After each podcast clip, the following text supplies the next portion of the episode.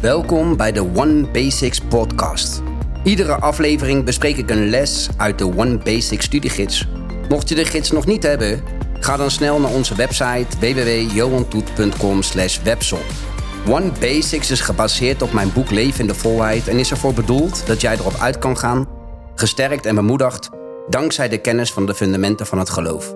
Let's go! Help Johan en Brenda het evangelie te verspreiden. Bestel nu ook de studiegids One Basics in de webshop op johantoet.com. Dag lieve mensen, van harte welkom bij de allereerste aflevering van de Bijbelserie One Basics. Ehm, ik ben Johan Toet, jullie host. Uh, als je dat nog niet gehoord had aan mijn Haagse accentje. Geweldig dat je er bent en blijf vooral luisteren, want uh, ik geloof dat er uh, mooie dingen gaan gebeuren. Um, in deze aflevering um, ga ik beginnen met de allereerste studie van uh, de One Basics Bijbelstudie. En ik wilde kort eventjes iets um, toelichten over die Bijbelstudie. Ik heb een tijd geleden heb ik een, studiegids geschreven, uh, genaamd One Basics. Met hele basis Bijbelstudies, uh, waar mensen gewoon een stukje fundament krijgen, een stukje identiteit, autoriteit leren te ontdekken.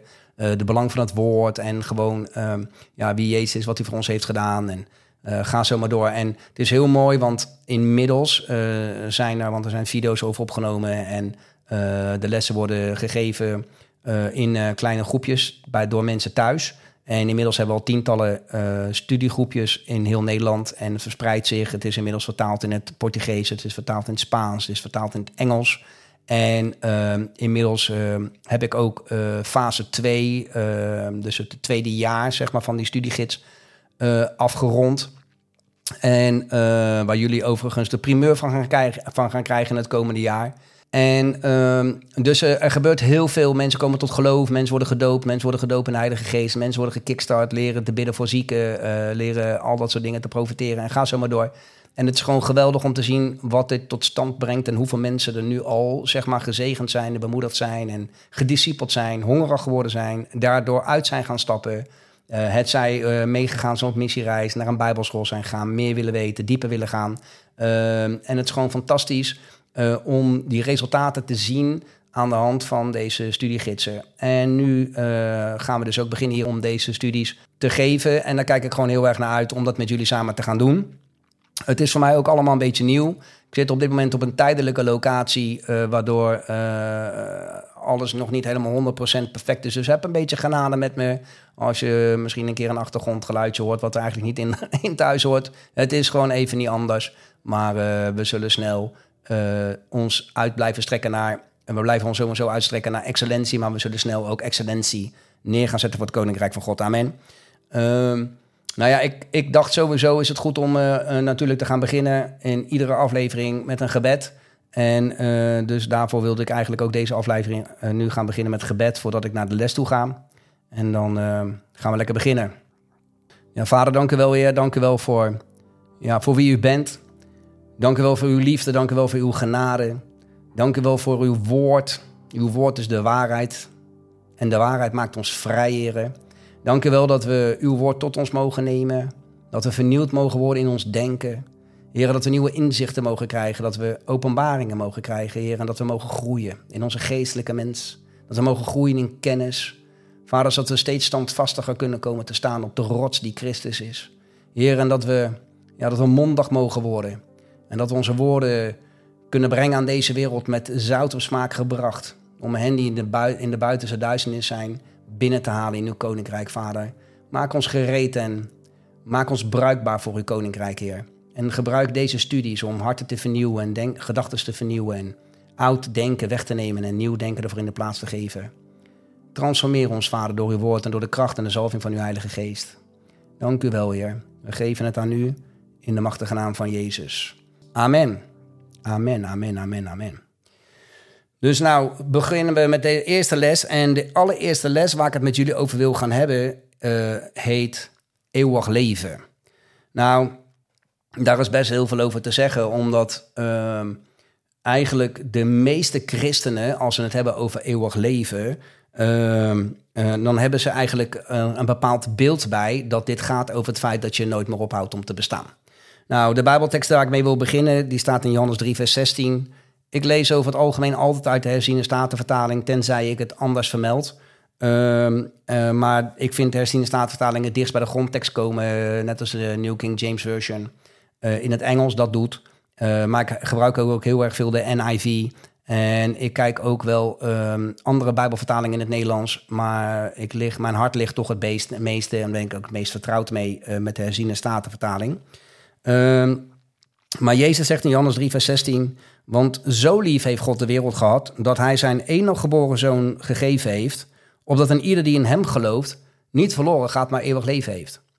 Nou, nogmaals, ik heb deze les al wat vaker gegeven. En het is iedere keer weer bijzonder om te zien dat mensen uh, die dit vers uh, lezen, uh, denken dat dit feit gaat over dat je dan voor eeuwig blijft leven. Dus zij denken van oké, weet je, God heeft zijn zoon gegeven, zodat iedereen die in hem gelooft niet verloren gaat, maar dat hij voor eeuwig blijft leven.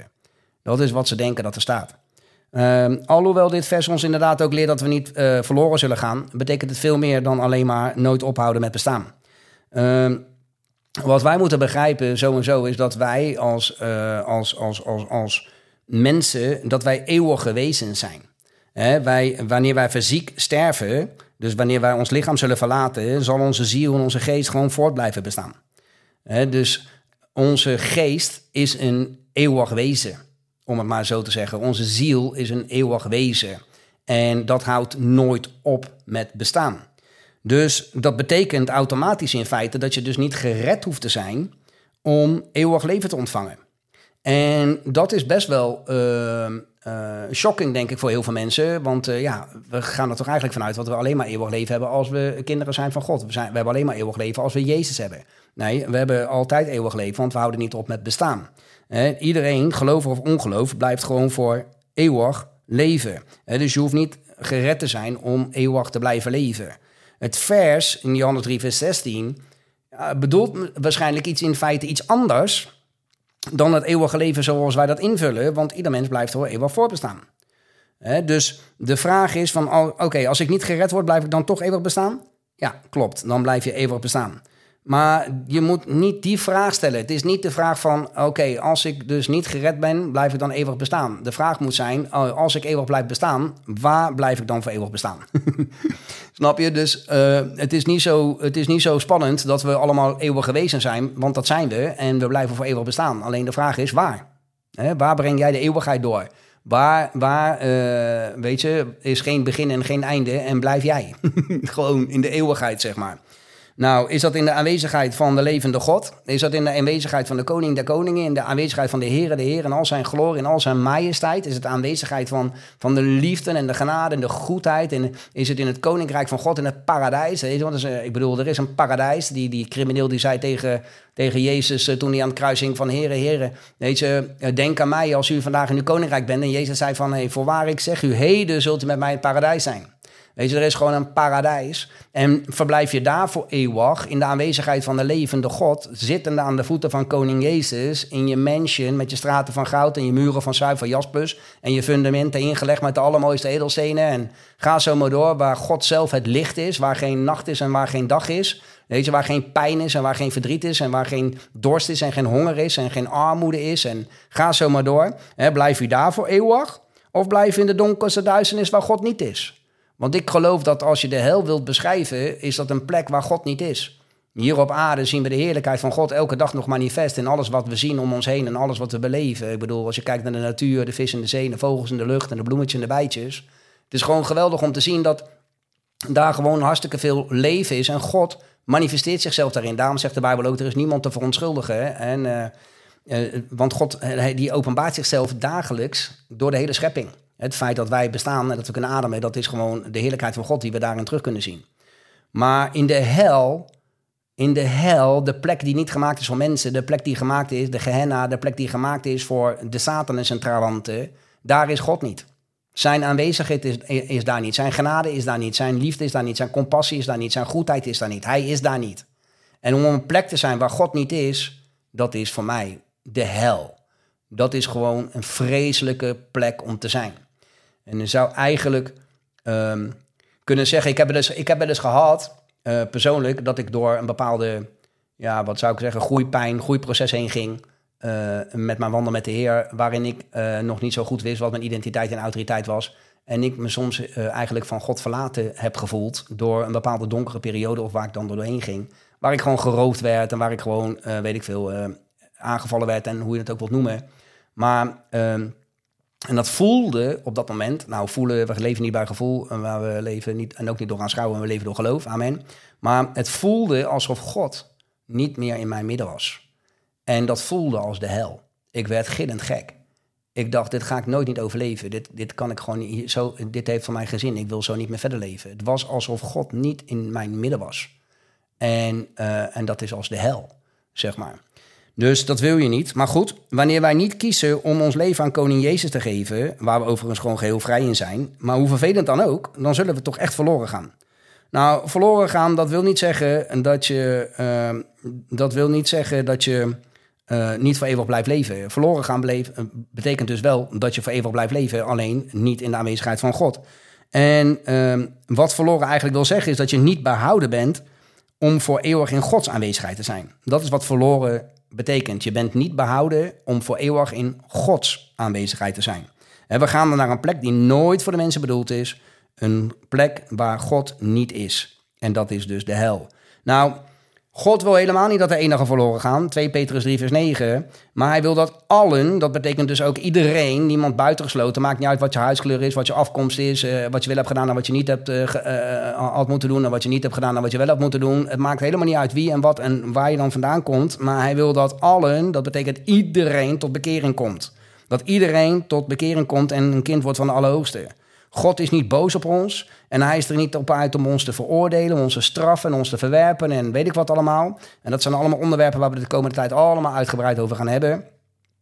Maar God houdt zo belachelijk veel van ons. Hij houdt zo belachelijk veel van ons dat hij zijn enig geboren zoon gegeven heeft, opdat een ieder die in hem gelooft niet verloren gaat, maar eeuwig leven heeft. Niet verloren gaat, niet afwezigheid van God. Niet voor eeuwig afgesneden van de levende God. Niet voor eeuwig weg uit zijn genade, goedheid en compassie. Dat ze niet verloren gaan, maar dat ze eeuwig leven zullen hebben. Hij geeft ons een uitweg. God geeft ons een vluchtroute. God geeft ons een escape. Weet je, hij is een goede God en hij is een goede vader. Laat nooit iemand anders jou iets anders vertellen over God, want God is een goede God en hij is een goede vader. In Johannes 3, vers 17 zegt Jezus: want God heeft zijn zoon niet in de wereld gezonden opdat hij de wereld zou veroordelen, maar opdat de wereld door hem behouden zou worden. Dus met andere woorden, opdat de wereld niet verloren zou gaan. Opdat de wereld niet afgesneden zou zijn van hem, maar in zijn aanwezigheid zou zijn. daarom, God heeft zijn zoon niet gezonden om te veroordelen. Zoals vaak in religieuze kringen ons wordt wijsgemaakt. Hè? Dat God een God van straf is, een oordeel en al dat soort dingen. Nou, laat je niks wijsmaken. Het zijn gewoon leugens uit de hel. God oordeelt niet en God veroordeelt niet. Zie je, het plan van God vanaf de grondlegging van de wereld is dat jij niet verloren gaat, maar dat jij eeuwig leven heeft, hebt zoals hij dat voor jou bedoeld heeft. En dat is voor altijd bij hem, heel dicht bij hem te zijn. Dat is wat het betekent. Nou, um, 2 Korinthe 6, vers 18, daar zegt God: uh, Ik zal u tot een vader zijn en u zult mij tot zonen en dochters zijn. Dit is iets heel intiems, uh, lieve mensen. God wil onze papa zijn. En hij wil dat wij hem tot zonen en dochters zijn. En uh, intiemer dan dat bestaat gewoon niet. Weet je? En um, voor mij getuigt dat van een hele liefdevolle God en niet van een kwade, boze God alle straf en alle oordeel is op koning Jezus gelegd, zodat wij vrij konden zijn in hem. Zodat wij voor eeuwig een aanwezigheid van de levende God konden blijven. En het verlangen van God is dat hij ons tot een vader kan zijn. En dat wij hem tot zonen en dochters kunnen zijn. Hij wil dat jij hem zo leert kennen. Want dat is pas het echte eeuwige leven wat Johannes uh, eh, 3 vers 16 beschrijft. Weet je, nou, let op wat er staat in Johannes 17, vers 3 en in de staatvertaling. Jezus zegt, en dit, dus legt hij nadruk even op dit, en dit is het eeuwige leven, dat zij u kennen, de enige waarachtige God en Jezus Christus, die u gezonden hebt. Dit is het eeuwige leven, dat zij u kennen, de enige waarachtige God en Jezus Christus Jezus Christus, Jezus de gezalfde, de koning der koningen, de Heere der heren, de majesteit, de verlosser, ons heiland. Dat zij u kennen, de enige waarachtige God en Jezus Christus die u gezonden heeft. Zie je, dit is, gewoon, dit is gewoon waar het allemaal om draait, lieve mensen. Kijk, je kan vergeven zijn van al je zonden en je kan behouden zijn voor de eeuwigheid. En dat is hartstikke mooi. Maar dat is zeker niet het enige doel waarvoor God zijn enige geboren zoon heeft gegeven. Jezus is gekomen zodat jij eeuwig leven zou hebben. Jezus is gekomen zodat jij de Vader zou kennen en dat je Hem zou kennen die de Vader gezonden heeft. En dat is Jezus zelf. En dit eeuwige leven is dus waar het om gaat op een, om op een intieme manier en een persoonlijke manier God te leren kennen. Dit is waar het allemaal om draait. Kijk, Jezus is niet gekomen om te redden wie er verloren is. Hij is gekomen om te redden wat er verloren is. En wat er verloren is gegaan is de relatie tussen God en de mens. En Jezus is gekomen om dat te herstellen. En op het moment dat wij dat herstel in ontvangst nemen, wat hij heeft hersteld, want het is volbracht. Hè? Johannes 19, vers 30 roept hij uit, het is volbracht. Dus hij heeft het volbracht. Het is, het is hersteld. En als wij daarin stappen, kunnen wij dus weer relatie hebben met God. Kunnen wij weer intimiteit hebben met God. Kunnen wij God kennen van aangezicht tot aangezicht. Kunnen wij in Hem zijn en kan Hij in ons zijn. En dat is wat eeuwig leven is volgens Johannes 3, vers 16. Dat is wat het eeuwige leven is volgens Johannes 17, vers 3. Dat wij Hem kennen en Zijn Zoon kennen. Dat wij Jezus kennen. Van hart tot hart. Van geest tot geest. Dat we Hem kennen. Dit is gewoon prachtig mooi, man. Dit is gewoon prachtig mooi. Weet je, in Johannes 10, vers 10, dus, daar, zegt Jezus dat de dief, de Satan, die vieze smerige leugenaar, die, die rat met een microfoon, weet je, dat hij alleen maar is gekomen om te stelen, te slachten en verloren te laten gaan. Maar dat Jezus is gekomen opdat wij leven hebben en dat wij overvloed hebben. Leven en overvloed is een leven met God. We gaan nog wel meer hebben over leven en we gaan het nog wel meer hebben over overvloed, wat het nog meer allemaal betekent. Maar in de basis betekent dit een leven met God, een intieme vader- en zoonrelatie.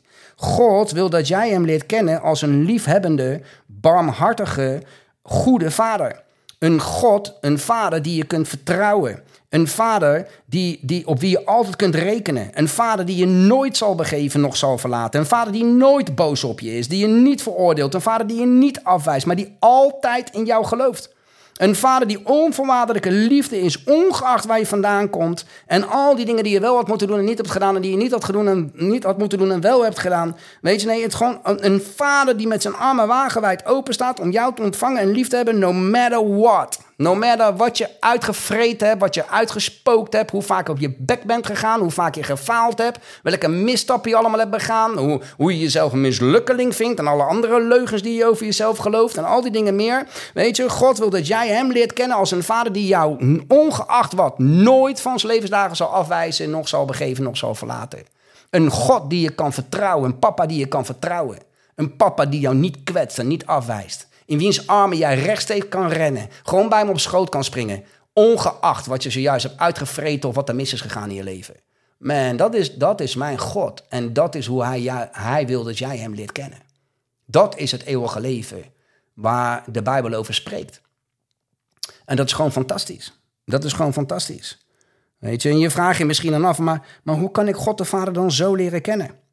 Hoe kan ik God de Vader zo leren kennen als, zo'n vader? Ik heb zo'n verkeerd beeld bij een vader. Ik heb zo'n verkeerd beeld bij hoe dat allemaal zit. Want ik heb trauma's of ik ben afgewezen. Of mijn vader heeft me nooit liefde laten zien. Of ik heb nooit geen vader gehad. Of weet ik veel. En misschien heb je wel een vader gehad, maar is toch het beeld een soort van verschoven of zo? Of, of, ga je proberen die gelijkenis te maken? Nou, God de Vader is perfect en jouw vader niet. Sorry, met alle respect. Mijn vader was ook niet perfect. Ik ben als vader ook niet uh, perfect. Maar God als vader is perfect. Hij is de volmaakte vader. En er is er maar één die je vader mag noemen. En dat is hij die in de hemel is.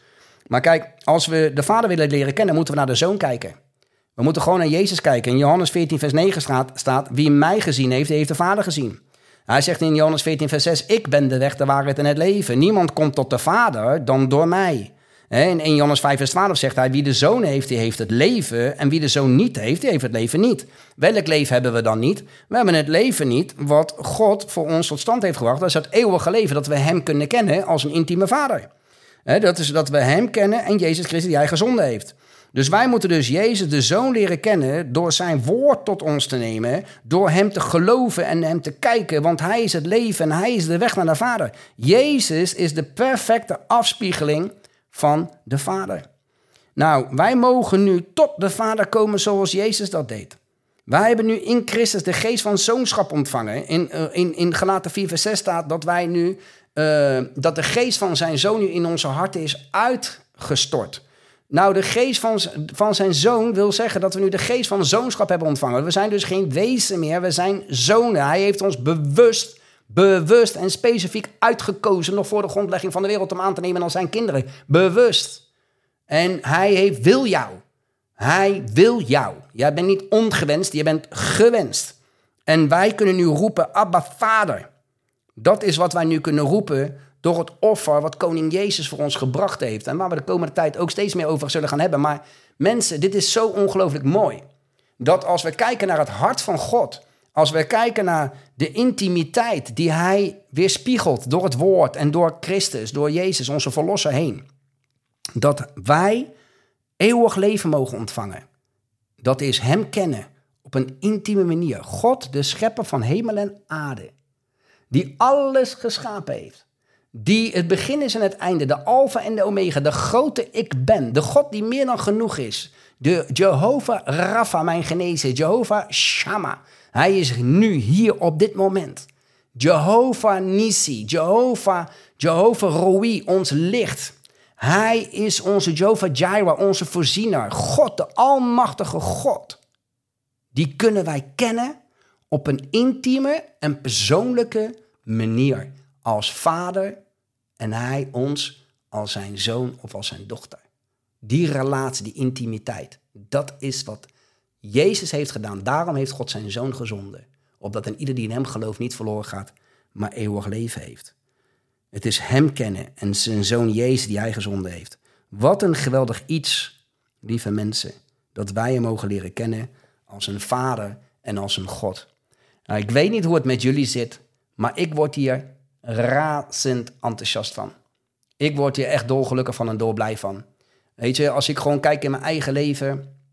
Mijn vader was niet de perfecte vader. En ik heb me altijd heel erg onzeker gevoeld. Ik heb me altijd heel erg verdrietig gevoeld, afgewezen gevoeld. En uh, dat heeft heel veel schade gedaan in mijn leven. Nu weet ik beter waar mijn vader vandaan komt en wat hij heeft meegemaakt. En waardoor hij dus ook bepaalde dingen niet kon doen of laten zien omdat hij ze zelf nooit heeft meegekregen en bepaalde dingen gekopieerd heeft die hij weer doorgegeven heeft aan ons en ga zo maar door. En weet je, dus ik heb mijn vader al lang vergeven en hij is mijn allerbeste vriend geworden en hij is nu bij de Heer. En uh, ik ben heel trots op hem en ik had me geen andere vader willen wensen dan de vader die ik heb gekregen van God hier op aarde als mijn opvoeder. En uh, er zijn vind dingen fout gegaan en er zijn dingen gebeurd, absoluut zeker waar. Maar ik heb wel echt een periode gehad dat uh, als ik aan God moest denken als vader, en ik keek naar mijn eigen vader en dat ik een soort van bang werd voor God. Omdat ik bang was voor mijn eigen vader. Uh, voor zijn reactie, voor zijn uitbarstingen, voor, voor zijn woorden en al dat soort dingen. En, um, maar doordat ik uh, zeg maar naar Jezus ben gaan kijken, die de weerspiegeling is, de hij is de perfecte afspiegeling van de Vader. Hij is volmaakte liefde uitgewandeld onder ons. Hij is, hij is het volmaakte school, schoolvoorbeeld van wie God is. En weet je wat die volmaakte liefde dan ook is, zeg maar. En door steeds meer uh, een relatie te krijgen met Jezus, steeds meer intimiteit met de Heilige Geest, steeds meer God te leren kennen door zijn woord, hem te beproeven en gewoon te zien hoe trouw hij is.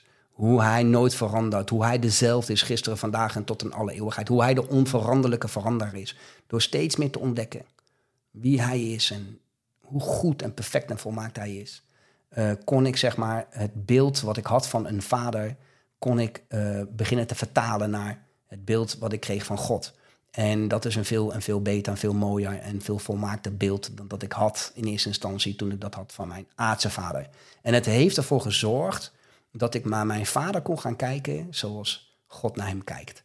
En het heeft ervoor gezorgd dat ik zelf een betere vader ben geworden voor mijn kinderen. En en dat is gewoon fantastisch.